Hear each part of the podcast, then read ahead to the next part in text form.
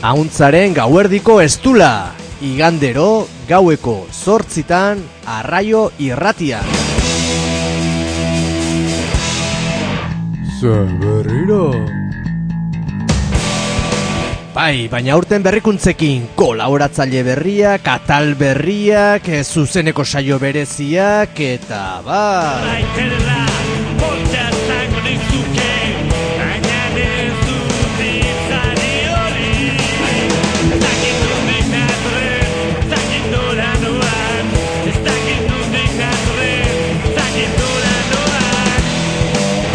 Auntzaren gauerdiko estula, igandero gaueko zortzitan arraio irratian.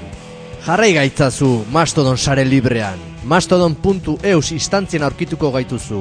Abildua Auntzarraio.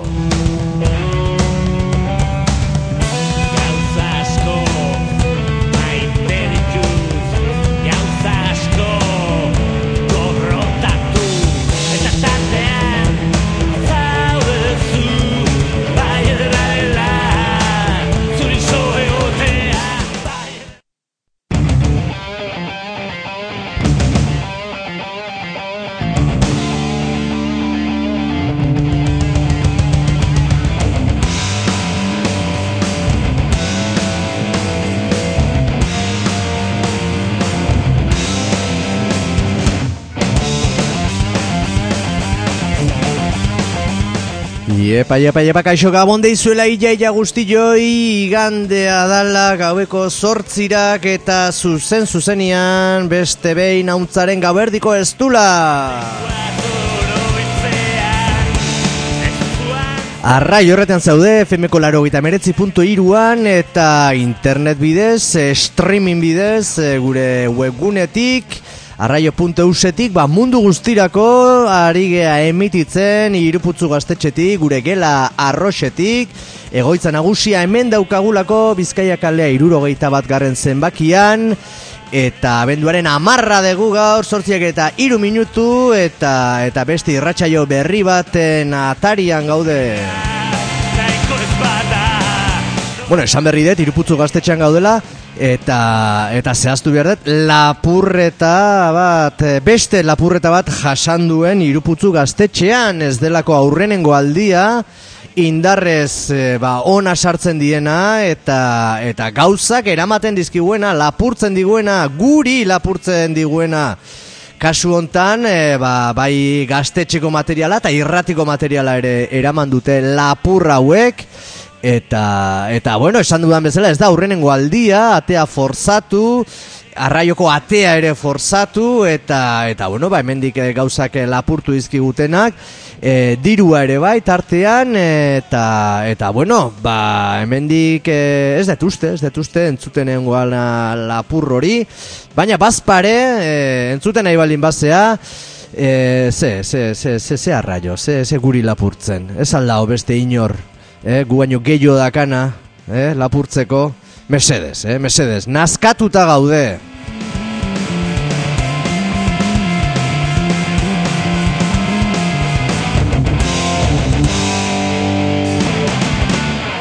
Ba bai, lapurreta, lapurreta berri bat e, jasan dugu e, iruputzu gaztetxean eta hala ere ez du eragotziko irratxa joak egitea, arrai horretea martxan jarraitzea eta lapur hoien zori gaitzerako ba hementxe, hementxe gaude.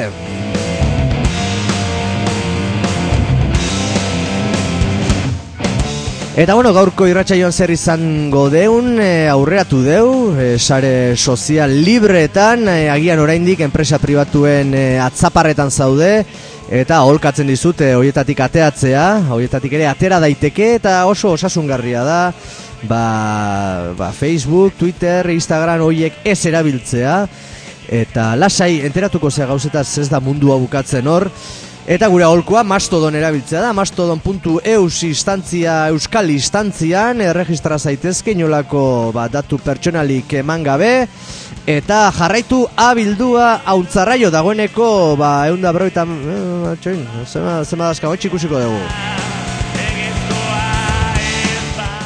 Eunda berrogeita amar jarraitzaile, ez, jarraitzaileak ez, jarraitzailea berrogeita amabost, berrogeita amabost jarraitzaile ditugu, finak, zabaltzen dutenak eta iruzkintzen gaituztenak. Ba, hortxe, mastodon eh, sare librean ah, bildua untzarraio eta aurre aurreratu deu, gaur zer izango deun, gaurkoan ba, gure pentsalari marxista Iñaki Gilde San Vicenteren eh, kolaborazioa espero dugu. Eta, eta bueno, ba, berarekin hitz egin dudanean Venezuelatik etorri berria da. Eta, bueno, ba, herri Bolibartarra horri buruz, e, antiimperialismoari buruz, eta abarri buruz ere, segurasko hitz egingo degula, luze, zabal eta sakon, e, ba, Iñaki Gil esan Vicenterekin.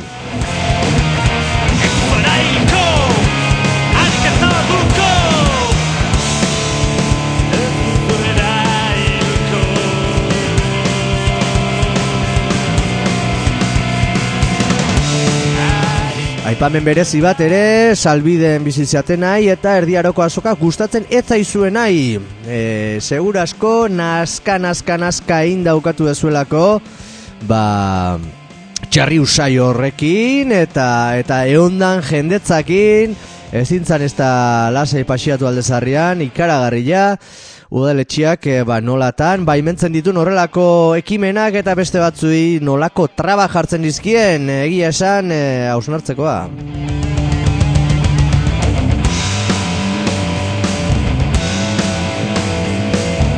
Espero et ere, ipun kontalariak ahotsi gabe ez zula bukatuko.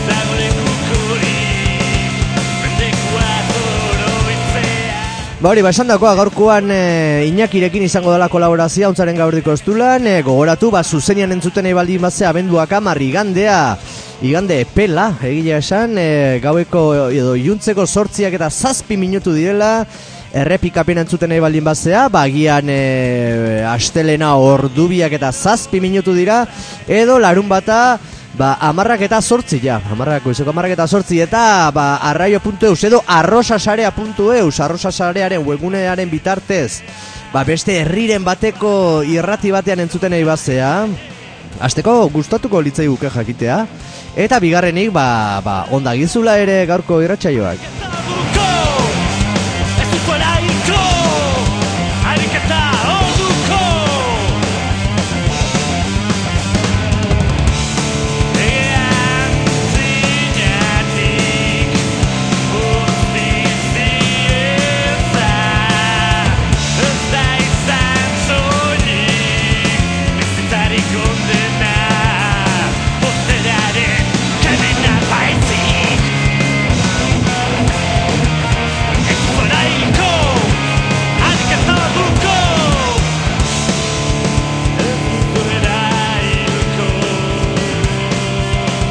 Bueno, ba, bestia bukatzen ari zaigu, eta Iñakiren eh, tarterako, bere kolaboraziorako, beti sintonia berdina egia ibiltzen, gainea, oraindik, ez dakit ze musika talderena den abesti hori, bere garaian saiatu nintzen, gure entzulei eh, galdetzen, ea norbaitek eh, bazekien, Egia esan eskertuko nuke, jarraian entzungo duzuen sintonia, edo abesti hau ze musika talderenaren esango bazenit.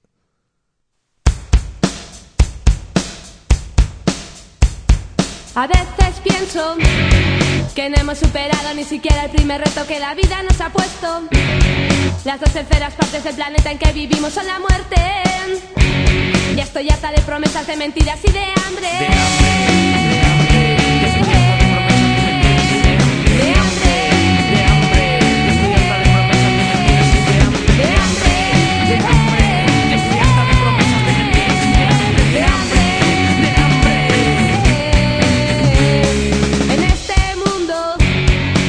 Pisas a tu hermano te joden y te pisan una época cruel.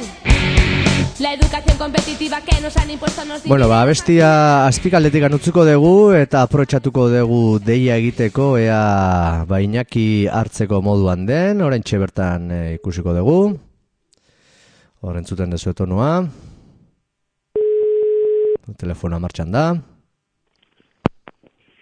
Bai, Bai, Iñaki, bai, zer moduz, kaixo, oso ongi, eta zu ere bai?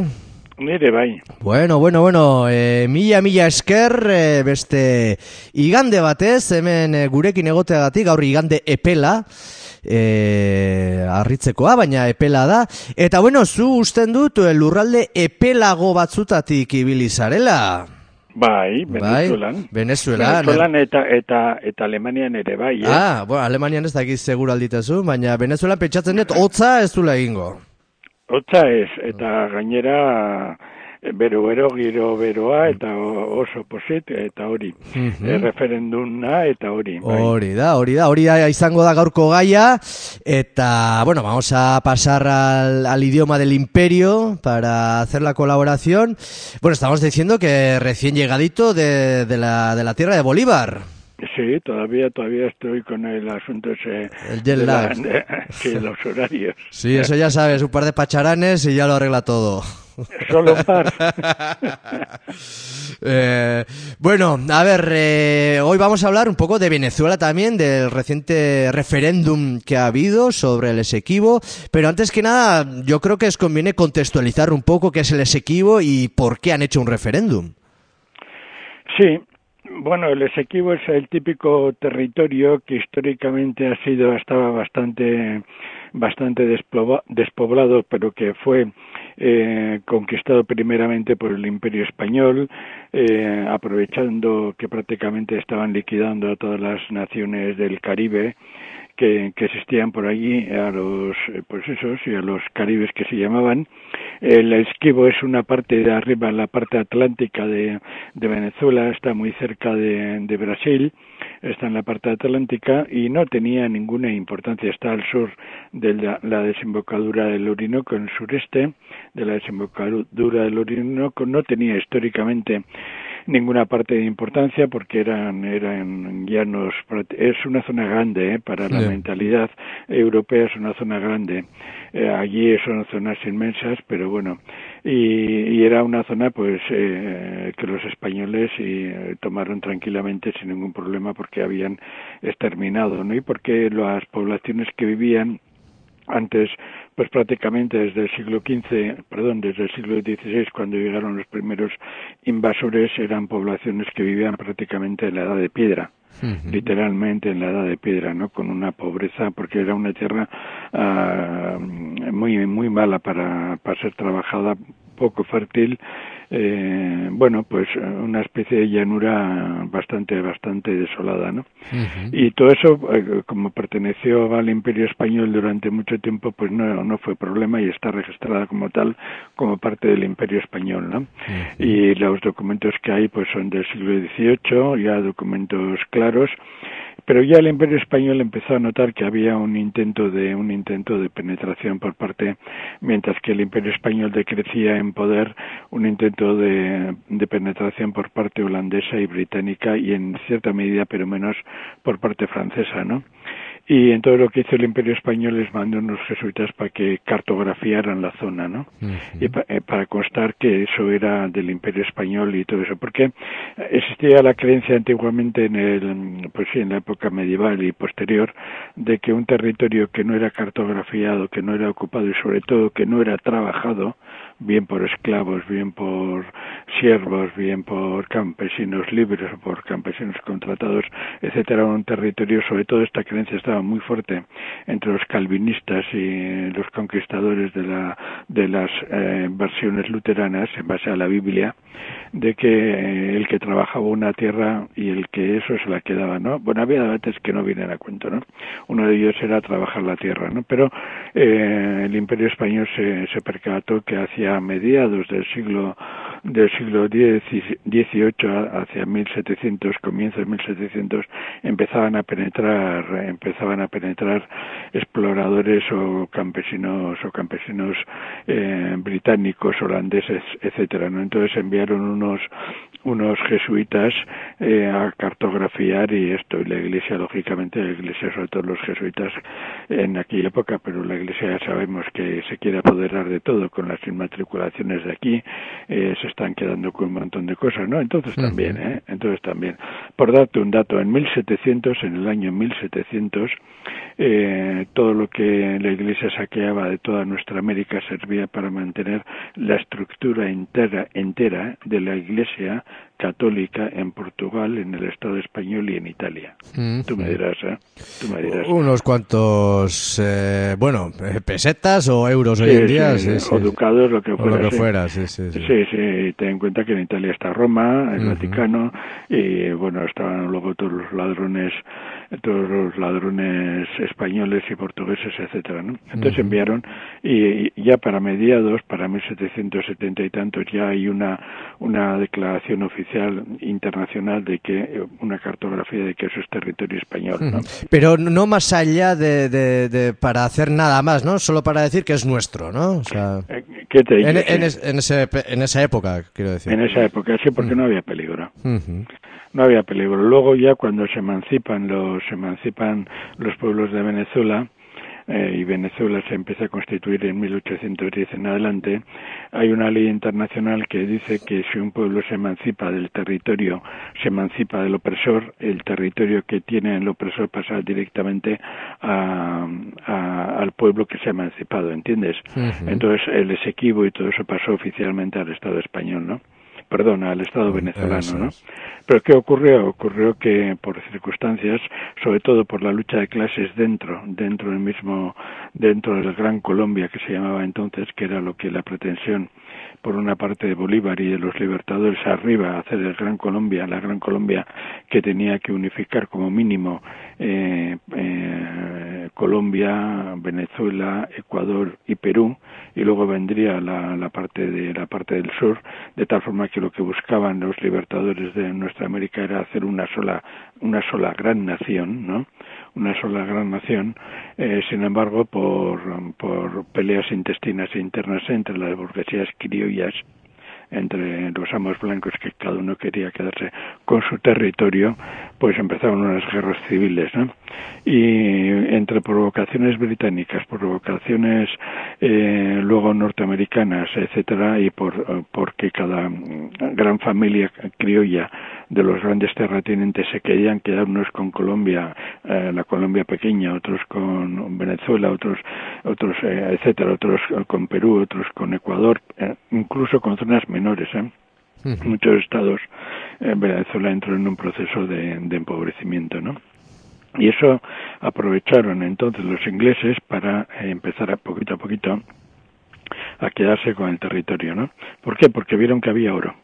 Ah, eso, a eso iba, a eso iba. Un, un territorio que no tiene nada puede que no sea de interés, pero un territorio que tenga oro, gas, petróleo o lo que sea ya cambian las cosas. Eh, en un momento había oro que era suficiente, ¿no? Y luego tenía otro, otro, otra virtud que era un poquito más arriba estaba la desembocadura del Orinoco, ¿no? Mm, que es el río Entonces- más importante, ¿no? Digamos. eh, Sí, sí, hay dos ríos importantes, el río de la Plata que está abajo y el, y- y el Orinoco allí, ¿no? Y, y con el Orinoco es un río navegable impresionantemente y, y todo toda la parte eh, norte que va desde el norte de Brasil, Venezuela, Colombia, Ecuador, etcétera, es prácticamente se puede llegar casi casi hasta Bogotá se puede llegar por el Orinoco, ¿no? Entonces lo mismo que ahora y como en una zona selvática muy jodida, eh, etcétera, o- con grandes llanos y con problemas de, de agua, etcétera, todo lo que era el Orinoco pues era una una zona vital. Y eso lo vio inmediatamente tanto el Imperio español como el Imperio británico, el Imperio francés, el Imperio holandés, luego cuando se independizaron los venezolanos, luego también lo siguió viendo el Imperio británico y más tarde lo vio eh, el Imperio norteamericano, ¿no? Entonces había ahí diversos intereses, ¿no? Y luego también estaba el otro interés, que para una ganadería adaptada al entorno, las grandes llanuras del Esequibo vendrían muy bien, ¿no?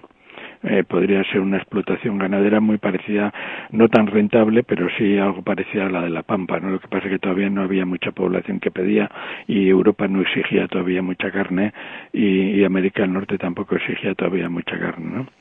Pero bueno, entonces entraron en guerras sucesivas, guerras civiles internas, eh, lucha de clases entre las clases dominantes, pero también lucha de clases dentro entre el, el campesinado y los, liber- los los explotados, los negros, los campesinos explotados, etcétera, contra la contra los criollos, las burguesías criollas, etcétera. Y hubo incluso guerras que duraron 20 años con unas matanzas increíbles, hubo momentos de cinco bandos enfrentados frontalmente. Claro, y todo eso dio un, un- un pie, dio pábulo a que Gran Bretaña se metiera en el asunto, ¿no? Gran Bretaña tenía ya unos intereses muy fuertes y era que Gran Bretaña había sufragado bastante, no todo, había sufragado bastante de la guerra de la independencia en la Gran Colombia, ¿no? Eh, con préstamos de dinero, de armas, de, de voluntarios, etcétera, ¿no? Eran voluntarios británicos que sobraban de, las guerras napoleónicas, eh, mercenarios eh, mercenarios alemanes, etcétera, ¿no? Entonces tenía una deuda muy alta con el Imperio Británico, ¿no? Eh, recordemos que la deuda está llamada la cadena de oro, una cadena de oro, ¿no?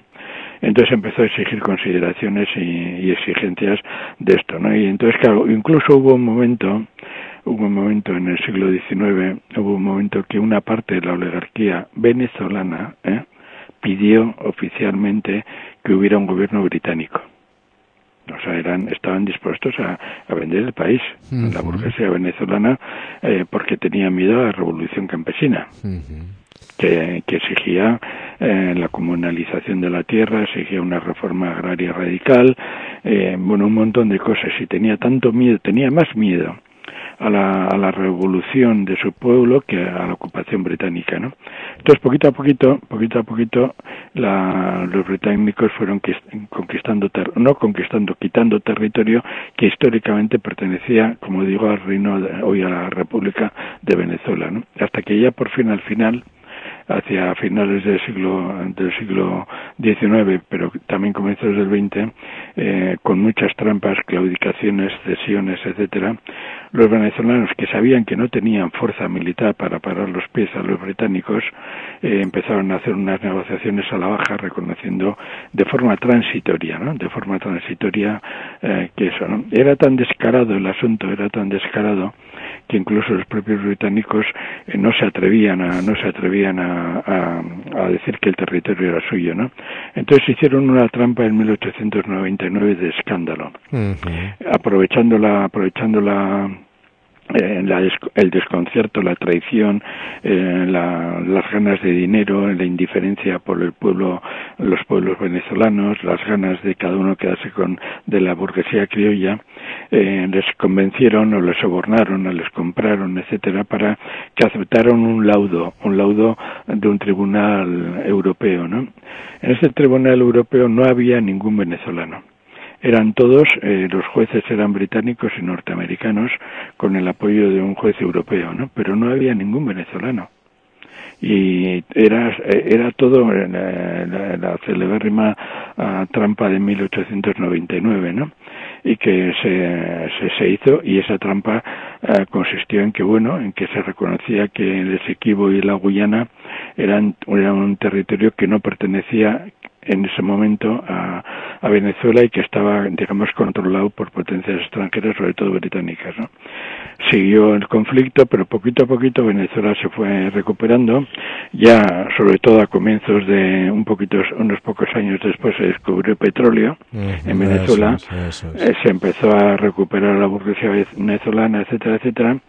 Y en 1966 se llegó a un eh, ya Gran Bretaña y Europa y Estados Unidos tuvieron que aceptar contra viento y marea pero aceptaron de que el Esequibo era un territorio eh, venezolano, pero digamos bajo bajo ocupación o bajo protección o bajo vigilancia, bajo explotación eh, de otra potencia que era Gran Bretaña y la Guyana, ¿no? que habían creado un país artificial. Y eso eso fue un documento de mil, de 1966, que es un documento que a, que garantiza para un futuro que el territorio se devuelva a Venezuela, ¿no? ¿Qué ocurrió? Que las cosas continuaron así.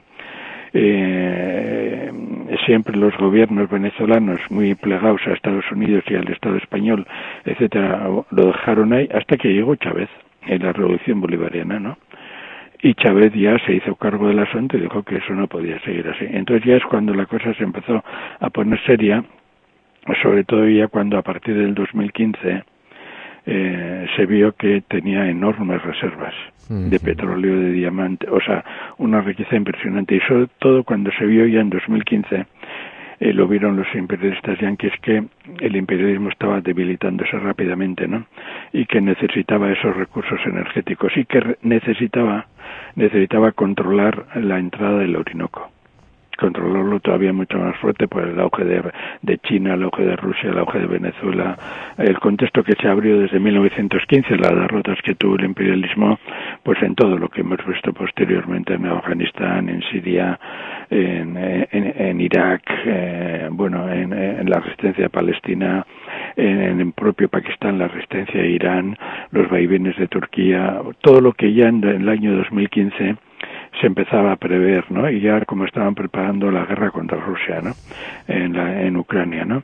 En esas condiciones eh, es cuando ya eh, los venezolanos, ya había sido asesinado Chávez, los venezolanos toman conciencia de que el imperialismo va a quedarse con el Esequibo y toman conciencia de que de que eso eh, tiene que tiene que volver a la patria. De hecho una de las eh, si vemos la bandera la bandera venezolana tiene unas estrellas. Sí, ocho si no me equivoco no sí exactamente. Una de ellas es el, del Esequibo. Mm son los estados no de... sí sí sí, es. sí el estado irredento no entonces la cosa se ha ido encorajinando en la medida en que avanzaba la crisis en la medida en que el imperio británico caía en, en, caída y el imperio norteamericano empezaba también a ser débil, todo eso se ha ido agudizando, ¿no? Hasta que recientemente, hasta que recientemente, pues ahora cosa de, de un año y pico así, eh, Exxon, eh, la empresa esa Exxon, la gran petrolera norteamericana, sí, la gran petrolera que está muy relacionada con, con el Pentágono, con la CIA, con, eh, con, el, con el antiguo gobierno de Trump, etcétera. Eh, de hecho, el presidente de Exxon, de Exxon era un, el vicepresidente impuesto por Trump, ¿eh? uh -huh. para que nos vayamos haciendo una ubicación de, de toda la, la casta político-militar, etcétera. Eh, no solamente dicen que el Esequibo y todo eso es propiedad de Guyana y por tanto bajo la protección de Estados Unidos que va a utilizar y va a extraer sino que encima hay unas aguas ter territoriales que, también pertenecen a Venezuela, pero que todavía no están, porque no, nadie se había preocupado, no están no están concedidas legalmente, aunque son de Venezuela, por lógica, eh, esas aguas territoriales van a pasar directamente a la provincia de Guyana, que es una provincia controlada por mafiosos, y encima va, se va a instalar una base militar norteamericana. Ah, eso, en la zona, sí. eso ya me da algunas pistas. Eh, eh, salvando las distancias, ¿eh? se parece un poco a la historia de Guantánamo, ¿no? Un poco en Cuba. Sí, sí, sí, sí, sí exactamente. Sí. Lo que han estado haciendo en todos los sitios, en mm, todos los sitios, ¿no? Sí. Eh, ten en cuenta que tienen que tienen 800 bases militares, que en el año 2000, 2016 eh, había bases militares en el 70% de países del mundo etcétera, ¿no? Entonces, hasta entonces, eh, la, digamos, la diplomacia sobre el Esequibo se había mantenido en secreto o, o, al margen del pueblo venezolano llevado por los sucesivos gobiernos, ¿no? Por los sucesivos gobiernos que había, ¿no? Que eran todos gobiernos burgueses y luego neoliberales a tope, hasta el Caracazo famoso, ¿no? Que era un gobierno, pues, socialdemócrata de amigos personales, el presidente de Venezuela que mató como mínimo, como mínimo a tres, a tres mil personas, ¿eh? como mínimo, y los desaparecidos son bastantes miles más, era amigo personal de Felipe González, sí, amigo sí. personal, ¿eh? o sea que, bien, entonces cuando yo, de, eh, llegó Chávez dijo que ni hablar, que por ahí no eso, que ese territorio había que recuperarlo y que se tenía que hacer con el conocimiento pleno del pueblo. Uh -huh. con el conocimiento pleno del pueblo, ¿no? Entonces, eh, hasta entonces todas las negociaciones había, había habido tres referendos referéndum en, en, la historia de Venezuela, pero ninguno era con un contenido de unificación nacional Ajá. o de reunificación nacional. Eran referéndum para problemas internos. Sí, reforma la Constitución y sí, sí, así, cuestiones ¿no? de esas. Pero no había habido ninguno, ninguno para un referéndum de reunificación nacional, o sea, de recuperación de un territorio eh, que, que es propio y que ha sido robado por el imperialismo, ¿no? Y esto, como luego iremos viendo, viendo tiene una trascendencia del copón no solamente para Venezuela, sino para el mundo en estos momentos, ¿no? Bien, entonces lo que se empezó a hacer ya es, eh, o sea, luego vinieron las guarimbas, vino toda la tensión, vino toda la, llevando a gente viva, los fascistas sí, sí. y toda esa historia que Cuando, hubo. cuando salían los medios de comunicación oficiales, occidentales, más media, Venezuela, ¿es? Eh, Sí, sí, exactamente, sí.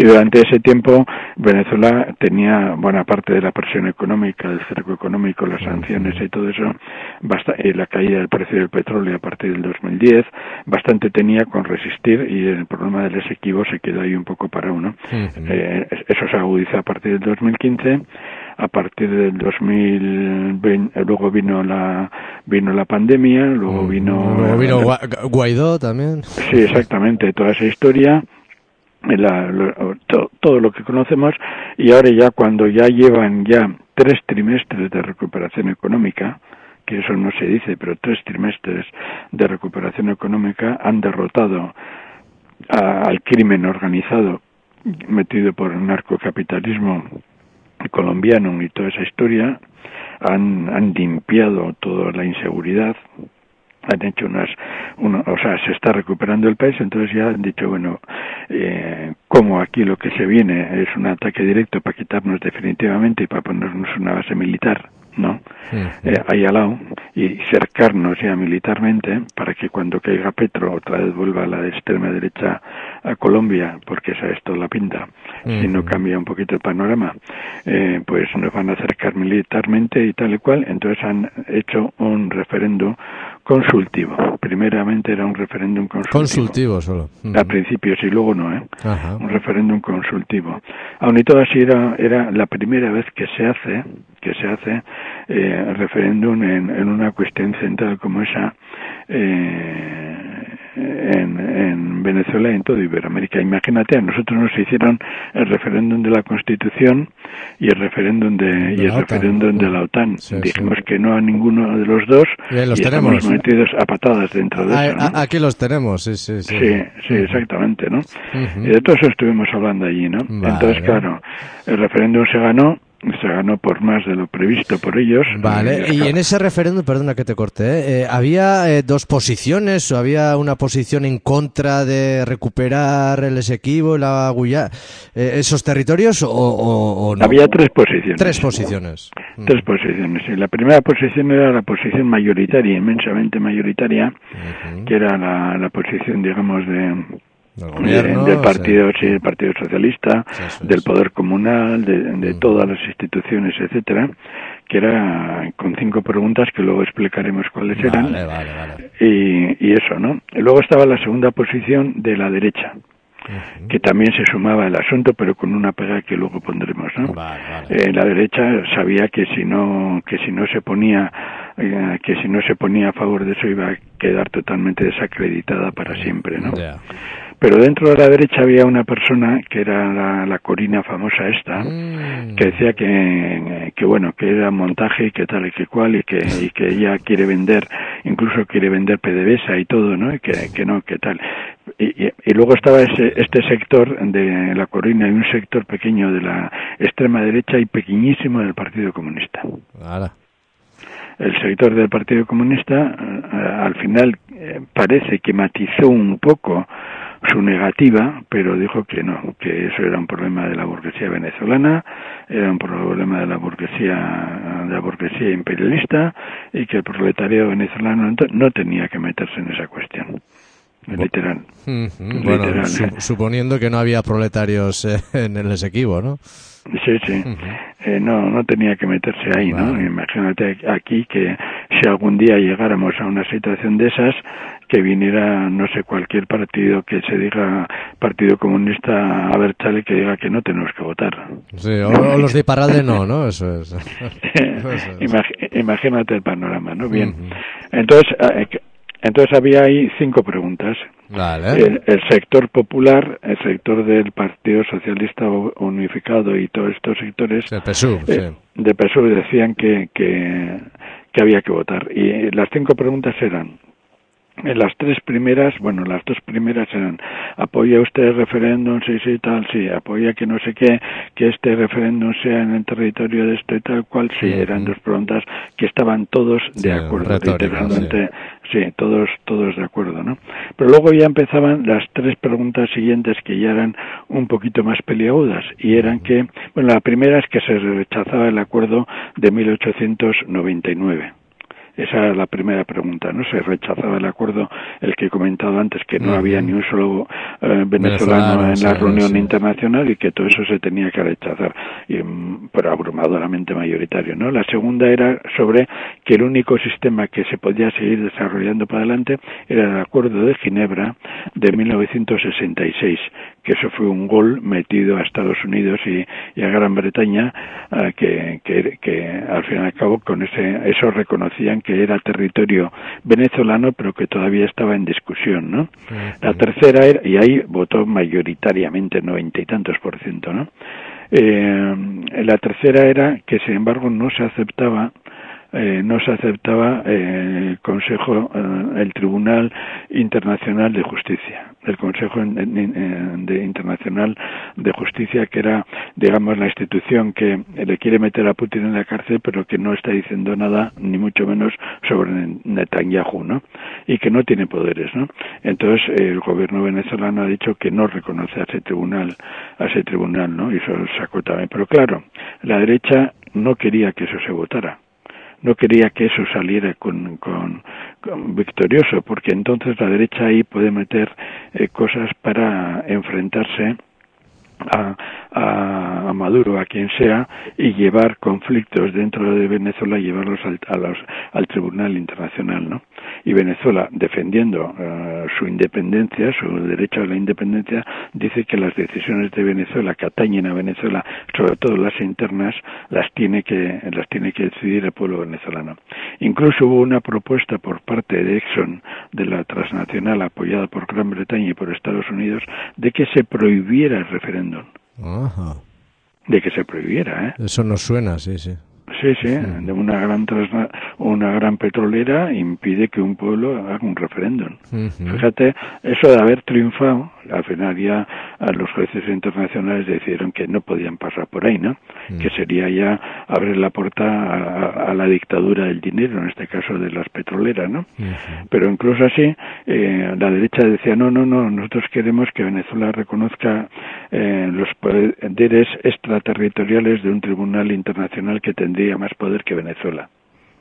Y Venezuela dejó ni hablar, eh, ni Estados Unidos, nadie, ningún país reconoce eso, excepto convenios ya sobre derechos humanos y, y cuestiones de estas, ¿no? Sí, Entonces, yo está- lo de, lo de Ginebra lo, lo- lo entendía por ahí, pero no sé, o sea, me, me ha quedado sorprendido, sí, esa pregunta ahí.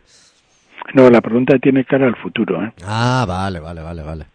Tiene cara al futuro. Es decir, hasta ahí hemos llegado aquí, hasta aquí bien, pero nosotros, los que decimos sobre nuestro futuro, somos nosotros. Vale, ok, vale, vale, vale. vale. Eh, o sea, que no se lleven conflictos, por ejemplo, que quieran decir que si no es Guaidó, el siguiente porque está total, si no puede ser la Corina porque está totalmente, están desprestigiados, se pueden sacarse de la manga un tercero, ¿entiendes? Sí. Entonces pagan un pastón a jueces, corrompen Vale, a jueces y vale, toda esa vale. historia y, y lo llevarían por ahí en vez de en vez de llevarlo internamente por un referéndum es. venezolano y esa, esa historia. Y la derecha por eso no quería, Sí, pero ha Un perdido. poco la soberanía, ¿no? De... Sí, exactamente, sí, sí. Eh, luego había también otra otra pregunta, la cuarta, que era muy, muy, muy importante, que tampoco la derecha quería que se aprobara. Y era la cuarta pregunta sobre eh, las aguas territoriales y sobre toda esa zona, ¿no? Y esa pregunta era que esas aguas territoriales tienen que ser todas eh, legalmente venezolanas y que tienen que estar en- de tal forma eh, eh, legalizadas a nivel internacional para que no se instale ninguna base militar. Bueno, muy buena. Claro, entonces eh, con eso se, se prohíbe literalmente a Estados Unidos o a Gran Bretaña o a la OTAN o a quien sea poner una base militar ahí. Y por eso la derecha no quería eso. Vale, vale, vale. Ya se pone expresamente, o sea, no queremos... Sí, sí, sí, sí, sí. Para que no quede dudas, ¿no? Para que no quede Sí, dudas. exactamente. Derecha se enfrentaba a eso, ¿por qué? Porque la derecha está dispuesta a vender el país. Sí. Lo que pasa es que no se atrevía a decir que no al referéndum. Mm, mm. Pero sí intentaba, las dos primeras preguntas, la de 1899 y la de 1966, bueno, pues están ahí, vale, bien. Pero ya la del Tribunal Internacional que se puede meter en la historia de Venezuela, o ni hablar, eso había que permitirlo para que eh, cualquier juez yanqui se pudiera meter, ¿no? Por ponerte un caso. Encima que se- los yanquis tengan derecho a poner una base militar, eh, pues a pocos kilómetros de Venezuela, ¿qué más quieren, no? La derecha también quería que esa pregunta saliera que no para que, eh, como lo va a hacer Estados Unidos, eh, ponga una base. Ahora sería una base ilegal.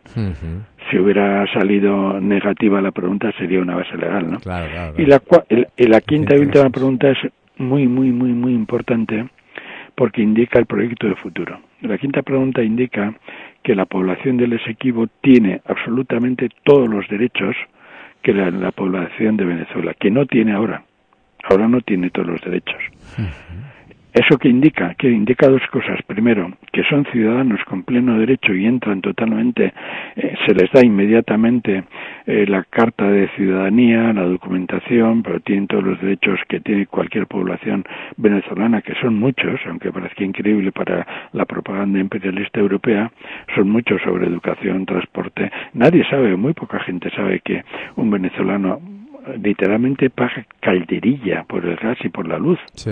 paga calderilla por la casa, paga calderilla por el agua potable, eh, no paga nada eh, por el metro, el transporte está tiradísimo, no se paga nada por la educación. Eso se, eso se silencia. O sea, eh, y una de las cosas que hacen, eh, con- que si los clavan la alimentación, es porque lo básico está pagado. La gente puede dedicar el dinero que tiene a la alimentación o a otra cosa. Y mucha de la alimentación está entregada gratuitamente por el gobierno. La alimentación básica está pensada en, en- eh, eh, medida en base a criterios médicos, eh, me- criterios médicos de una sanidad, eh, si no socialista, si muy radical. Eh, La cantidad de proteínas, de, de todo lo que necesita. Una sanidad una preventiva, además. Sí, es- sí. sí, sí, sí, pero en eh, claro, y todo eso es casi, casi gratis.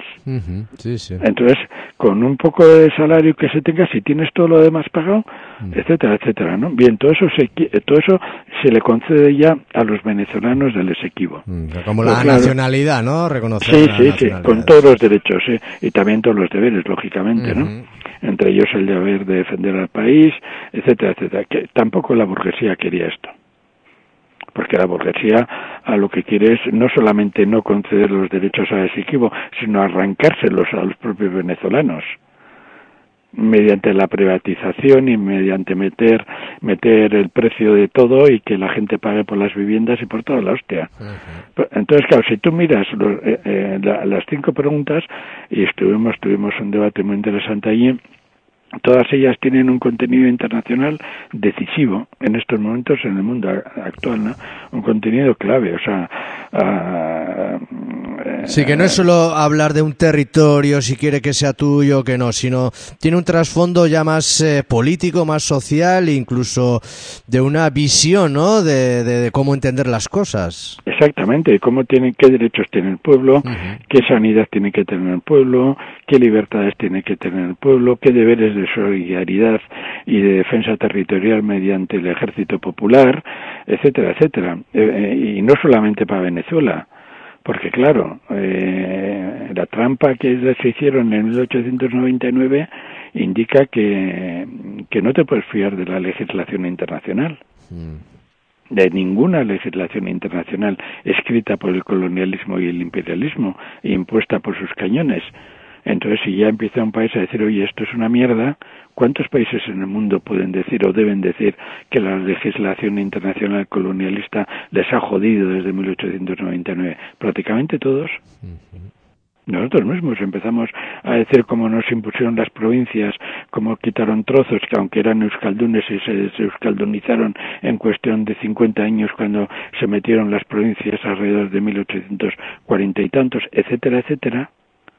Y si nosotros empezamos a decir que las leyes españolas no reconocemos incluso las del siglo XIX como lo están haciendo los venezolanos, si eso se lleva a nivel mundial, eh, una estructura fundamental del orden jurídico imperialista se va a pique.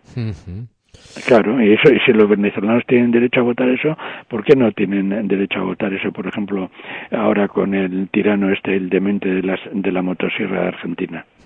Sí, además parece como que toca lo esencial, ¿no? O sea, va a, lo, a, lo, a la fibra, como se dice, ¿no? Con esas Exactamente, sí. y lo mismo pasa con la segunda pregunta. O sea, ¿puede haber un tribunal internacional que nadie controla que tenga más derecho que un pueblo? No y así ¿no? sucesivamente. ¿Tiene el imperialismo derecho a poner bases militares donde le interese? No. Y si Venezuela tiene derecho a decir que no, ¿por qué no tenemos nosotros derecho a decir que no? Que ya lo dijimos y no nos hacen puñetero caso. Sí, sí, y luego ya la, la cuestión ya claramente de los derechos sociales, democráticos, sanitarios, etcétera, etcétera, ¿no? Ahora hay un proceso de privatización en todo el mundo, en unos más que en otros menos, en otros está paralizado, en otros se están conoci- reconociendo derechos, como es el caso de Rusia, que están volviendo a reconocer derechos de la Unión Soviética anteriores, desmantelados por Yeltsin en su momento, etcétera. Algún día habría que hablar de cómo está la situación dentro de Rusia, etcétera, ¿no? Eh, pero claro, un pueblo ha decidido cinco cosas y el resto de pueblos no tenemos derecho a decidirlo. Hmm. Claro. Entonces, eh, por eso ha habido tanto silencio en la prensa y tanto interés de ocultar y de simular y de engañar porque eran todos conscientes de que eran cinco preguntas de una trascendencia del copón. Sí, a ver, yo ya no, no veo la tele, no, no consumo mucho medio oficial, entonces no, no sé la, la, la caña que o la cancha que han tenido con el bombo que le han dado a este, a este tema en concreto. Sí he visto algunos titulares, eh, pues bueno, pues eh, aprovechando, ¿no? El, los medios eh, imperialistas, pues eh, para dar un poco de cera a Venezuela, pues no sé, en plan rollo comparando con, con Rusia, ¿no? Lo que estaba haciendo con Ucrania, con una, como una invasión y ahora Venezuela sí, quiere sí. invadir eh, su, su propio territorio, ¿no? Es-. Sí, bueno, lo, lo- lo habitual, digamos, eh, de, de- de ese- de- esos medios, pero me ha parecido pues menos que otras veces, eh, no sé si porque están eh, pues eh, más centrados en otros conflictos, Ucrania, eh, Gaza o, o- o qué, pero... ¿Y por qué es tan manifiesto y es tan reconocido a nivel de la jurisprudencia internacional? Incluso, eh, aunque esté hecho, eh, esa jurisprudencia esté redactada e impuesta en el colonialismo y el imperialismo, es tan así que, que no que, que tendrían que entrar ya en la cuestión por ejemplo con el caso de Palestina no y exactamente igual. Sobre todo ahora ya cuando Estados Unidos ya ha dicho claramente que se va a apropiar del territorio. Sí. eh, puede- pueden tener una situación igual no porque ahí Venezuela se lo mirará muy mucho igual no eh, o, es- o pensando igual están metiendo miedo para que Estados Unidos por fin ataque a Venezuela no que de estos fanáticos cualquier cosa se puede Sí, a ver, si nos fijamos Si tu objetivo es poner una base militar, no creo que sea para llevar pan, ¿no? claro. Claro. Ahí está ahí está. Entonces claro se han encontrado con que bueno y luego internamente en el propio pueblo la derecha queda muy muy muy muy desautorizada. Ha tenido un poco, no sé cómo decirlo, o sea, ¿se ha relacionado un poco con las próximas elecciones o ha Sí, tenido un poco de sí, influencia, sí, pues eh, toda esa oposición fragmentada, personalista, con intereses eh, que, bueno, que se van a cuchillo entre ellos eh, para poder aglutinar o hacer un bloque o, o no sé, no sé cómo, cómo ha reaccionado la oposición? ha reaccionado ha reaccionado primero claro eh, ha sido una obra una obra una maniobra más que maniobra ha sido un paso adelante valiente por parte por parte del gobierno del gobierno de Maduro muy valiente y se ha lanzado a la piscina no Sí. y eso ha cogido totalmente desprevenida la a la derecha que ha tenido ya te he dicho se ha dividido ha tenido que mover, mo- moverse en eso y en estos momentos cara a las elecciones del 24 eh, sale totalmente rota ah, dividida eh, con un desprestigio serio y con unos problemas serios, ¿no? Entonces ahí está un poco el, el panorama, ¿no? Y ahí están las dos cuestiones y luego también es una cuestión eh, que para el orgullo de muchos países de nuestra América y de todo el mundo el, el haber dado ese paso haber convocado al pueblo y, y ahora ya en un principio era un referéndum consultivo, ahí ya es un referéndum vinculante. Ajá, eso ya ha cambiado, o sea, ya es vinculante. Ha sido, ha, ha sido. ¿no? Sí, ha sido, sí, sí. Sí, sí, ya es vinculante, es. se ha ganado, es vinculante. ¿Qué quiere decir eso? Que cualquier gobierno está obligado. Ujú, O sea, si por ejemplo ga- ganara la derecha, por ponerte un ejemplo, ganara la derecha en las siguientes elecciones, ¿no? El gobierno de derecha, el que fuera, debiera seguir con los planes eh, desarrollados aparte del referéndum este. No puede ir, iría, en la práctica le importa un pepino, ¿no? como aquí exactamente igual, ¿no? Iría contra la voluntad popular, pues que sería un acto más de, digamos, de, de desobediencia deliberada, fría, metódica, egoísta, eh, contra la voluntad expresada por el pueblo venezolano en un referéndum, que es un referéndum ya vinculante. ¿Qué datos ha habido de participación? Eh, datos ha habido, pues alrededor del 51, Ujú. que es más de lo que esperaban, ¿eh? Vale. Más, vale. más de lo que esperaban, sí. Había gente que planteaba que, eh, hombre, si hubieran llegado a un cincuenta y tantos, a un sesenta, hubiera sido arrasador, ¿no? Pero es que eh, la, es lo que históricamente la gente ha votado más gente que o ha ido a, a, a, sí, a depositar el voto más gente que, que, que el promedio, ¿no? Aunque aquí también ya empiezan a haber un problema, unos análisis que ellos ya estarán haciendo.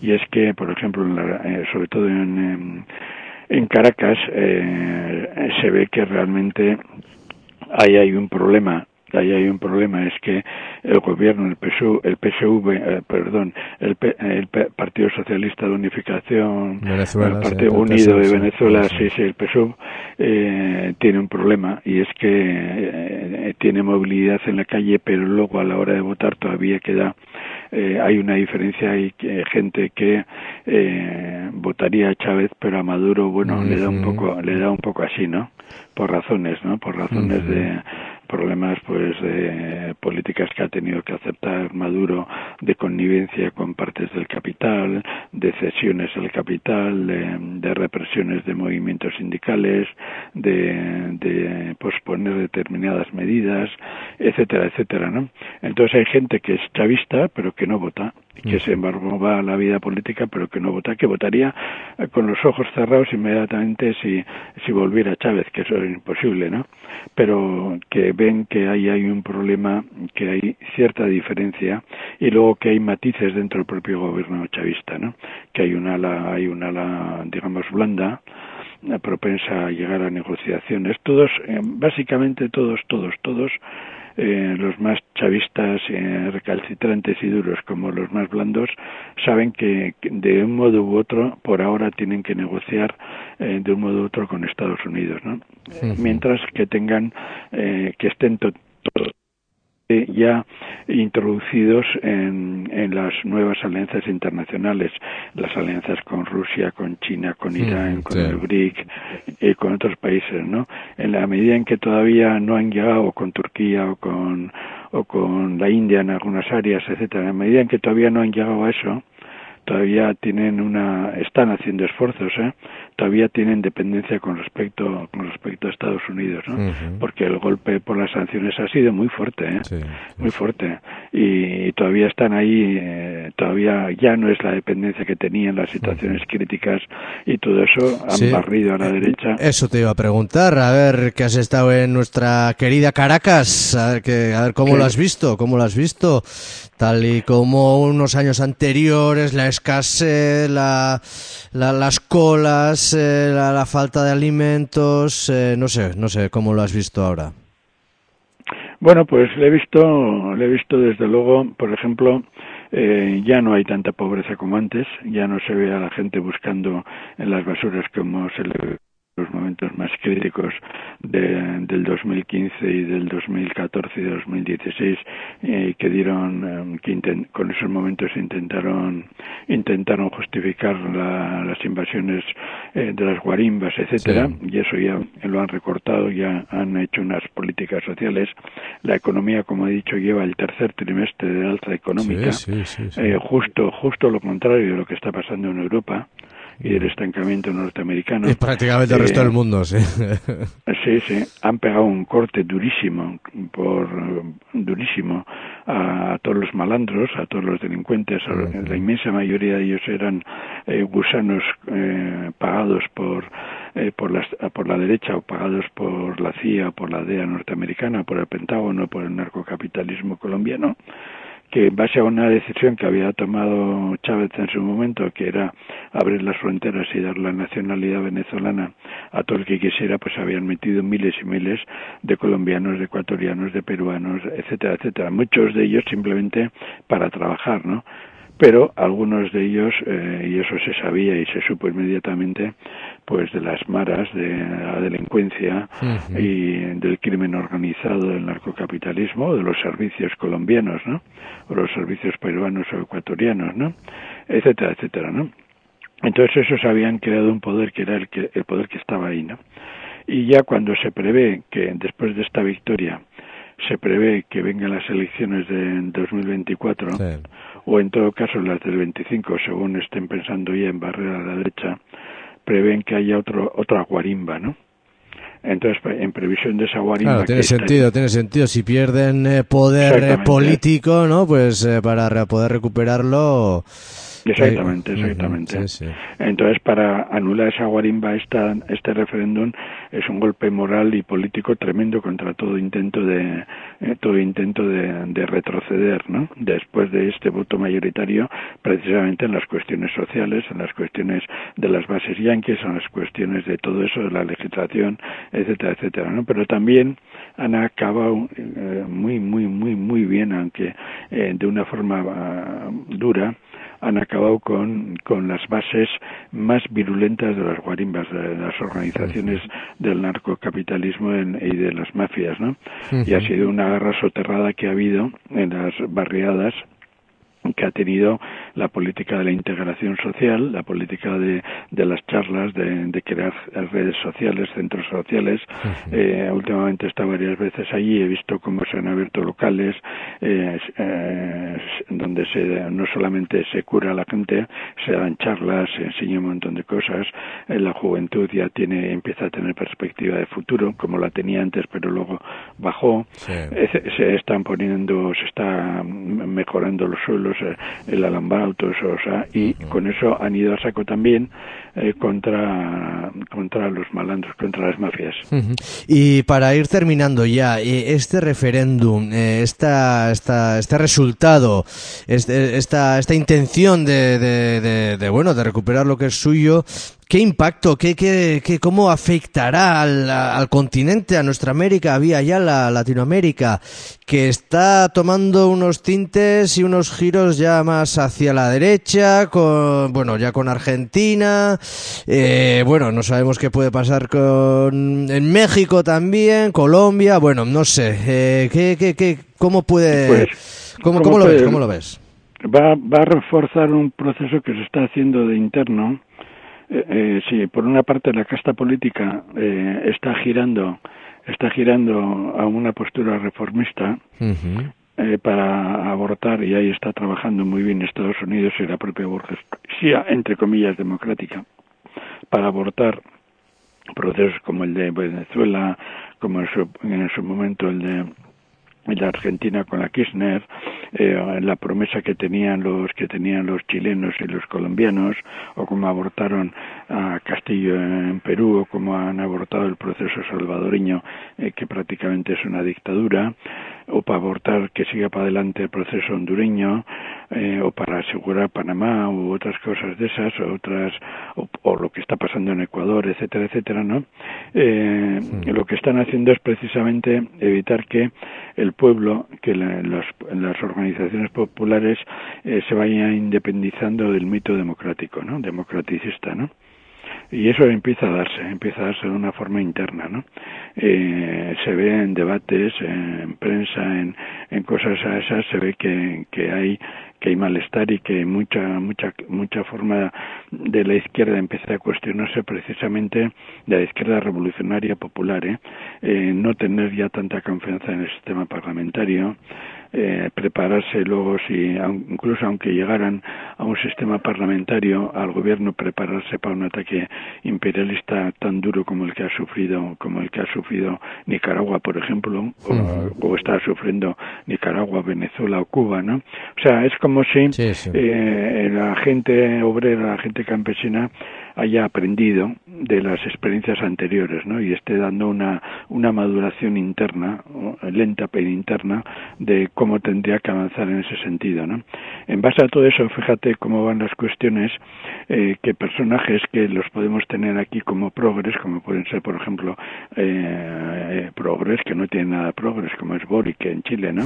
O incluso ANLO en, Sí, en México, eh, sí. en México, ¿no? O, o Petro Sí, en, sí. En- en Colombia, o Lula en Brasil, ¿eh? También, Es- también. están maquinando, están presionando para que en las elecciones del 2024 no se presente Maduro. Ah, sí, ¿eh? Ese plan tienen, ¿eh? Oh. Mm. Sí, lo que quieren es hacer un bloque de centro reformista que haga contrapeso entre entre la izquierda y la derecha, entre la izquierda y Estados Unidos. Eso es lo que están intentando.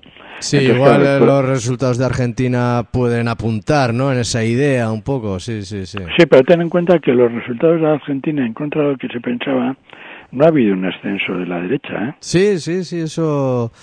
Nuestro gran amigo negro ya me lo contó, ya me lo contó. Sí, sí. Sí, sí, Lo que ha habido ha habido precisamente un giro de la derecha hacia la extrema derecha. Sí, lo mismo que aquí ha habido Eso un es. giro de Vox al PP. Sí, sí, no, eh, lo que más me sorprendió es que no estaban sorprendidos, entonces ya me quedé más tranquilo. Sí, sí, sí, sí, sí, sí.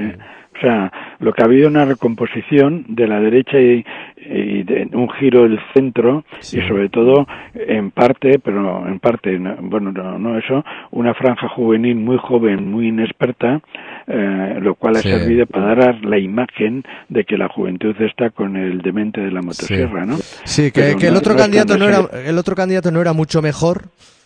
Claro. Tampoco, tampoco hay que decirlo. Entre, entre lo malo y lo peor, pues, eh, pues mira, me da igual, ¿no? Sí, sí, sí, sí. Y, y eso, entonces eso está pasando en Vale, toda vale, vale. América en estos momentos, ¿eh? En la misma, en la misma, en el mismo México hay eh, hay gente que, que está advirtiendo que la, la sucesora de de, eh, de este eh, pues que, cuidado que no se confíe mucho en la pasividad del pueblo que el pueblo eh, va a seguir eh, presionando y movilizándose y toda la historia Ujú, Sí, sí, sí. Esperemos que sí, por lo menos ese es nuestro deber. Y, intentaremos que así sea.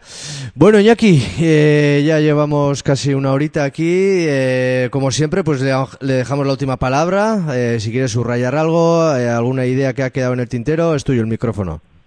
Bueno, sí, dos ideas, dos ideas eh, que conectan, que por una parte hay ese, esa reconsideración de las izquierdas que dicen que ya no y van a intentar o no quieren caer en la trampa de gobiernos demócratas, de estos democraticillas de estos y que el Parlamento puede ser muy importante, pero que tiene que haber una fuerza popular externa al Parlamento que es la garantía, lo que ha pasado, por ejemplo, en Chile, que no vuelva a ocurrir, ¿no? O, o lo que ha pasado en Colombia, ¿no? Que, no- que en las elecciones eh, zonales ha vuelto a ganarle a la derecha, ¿no? Precisamente porque el pueblo no estaba organizado. Entonces lo que hay que avanzar es en la organización del pueblo y eso está recorriendo, ¿no? Y segundo, y esto es muy interesante, la conciencia de que tal y como está el mundo, hay que empezar a unir, a pensar, quiero decir, en una en una coordinación intercontinental o internacional. Que ya que ya no es momento de que eh, Latinoamérica luche sola, eh, África luche sola, Asia luche sola, eh, en Europa se luche solo, no, no, no, que tiene que haber porque el enemigo es internacional, está unido. Existe una internacional fascista, existe una internacional Sí, socialdemócrata. falta la nuestra, ¿no? Exactamente, ¿no? Y nosotros aquí tan felices, ¿no? Sí, sí. Y, y- y eso sí está penetrando. Sería la sexta, sería la sexta internacional. A No. mí todo lo que sea ya lo sé, ya lo sé. Bueno, Sería- la sexta oficial no. Vale, vale, vale. La, la- la sexta, la sexta oficial no. La que, la que se declaró comunista esa no me cae mal. bueno, Jackie, pues con estas Bai. risitas eh, lo vamos a dejar aquí. Mila mila esker beste igande batez gurekin egoteatik. Bai, bai, Eta, bai, bai. eta bueno, urte berri on ere bai, ez? Ya, ya Bueno, toca bai, decir, ¿no? bai, Ya, bai, bai, vas pare, vas pare, lo dejamos, lo dejamos ahí. Bueno, Oso ongi, besarkada aurrera, bat, bai, berdin, Vale, agur, agur. agur. Gizon bat ikusten dut karetin agarra ez Lapostuak aldu dut, ez du jatekorik Emaztea urdun, biseme gehiagokin Lan asko egiten du,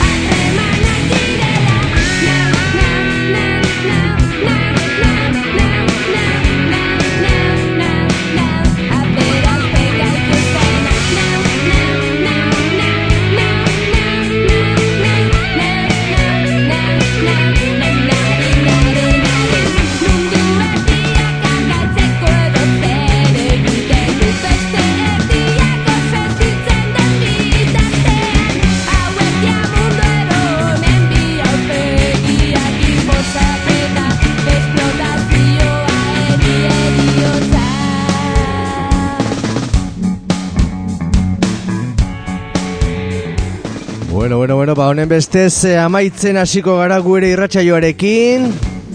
Abestiare amaituko delako. Eta bueno, e, Venezuela saritu garenez badaukagu abestitxo bat, hemen behin baina goietan jarri duguna, eta, eta bueno, gerriak mugitzeko oso oso aproposa dena, eta oso ezaguna ere bai, e, ba, mm, beraiek esaten duten bezala komandante eterno Chavezi egin zioten abesti bat, bere kanpaina baterako, kerrez banaiz, eta horrekin agurtuko gara, datorren astera arte, gogoratu, bihar goizeko zazpitatik aurrera arraio irrateren programazio entzunga izango duzula, FMko laroita meretzi, punto iruan eta arraio.eu zen ere bai, streaming bidez, eta gu, ba, esan bezala, datorren igandean itzuliko gara, usten eta agian urteko azken irratsaioarekin, bueno, ikusiko dugu, ikusiko dugu, Bestikan gabe, abesti honekin gozatzen utziko zaituztet, e, ba, dantza pixkat egin zuen sukaldeko baldosen gainean, edo salako ba, sofaren gainean, edo oean gainean, edo, edo autobusen entzutenen baseare bai, gerria mugitzeko abesti badelako. Bestikan gabe, bakizu beti bezala musu handi bat, eta ondo bizita gaiztuak izan, aio!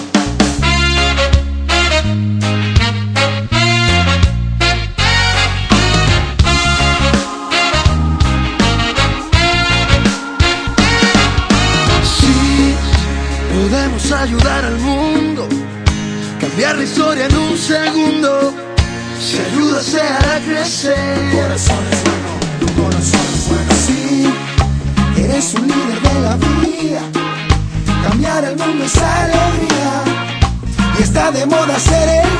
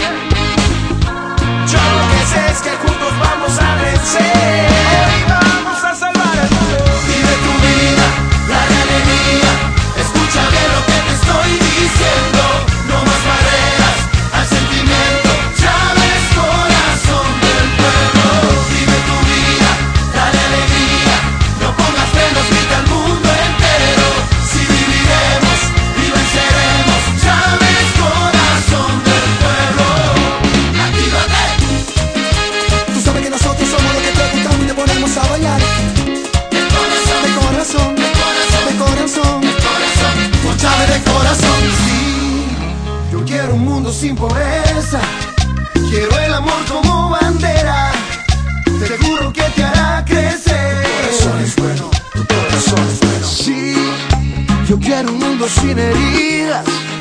Yo quiero aprovechar mi vida. Haciendo siempre, siempre bien.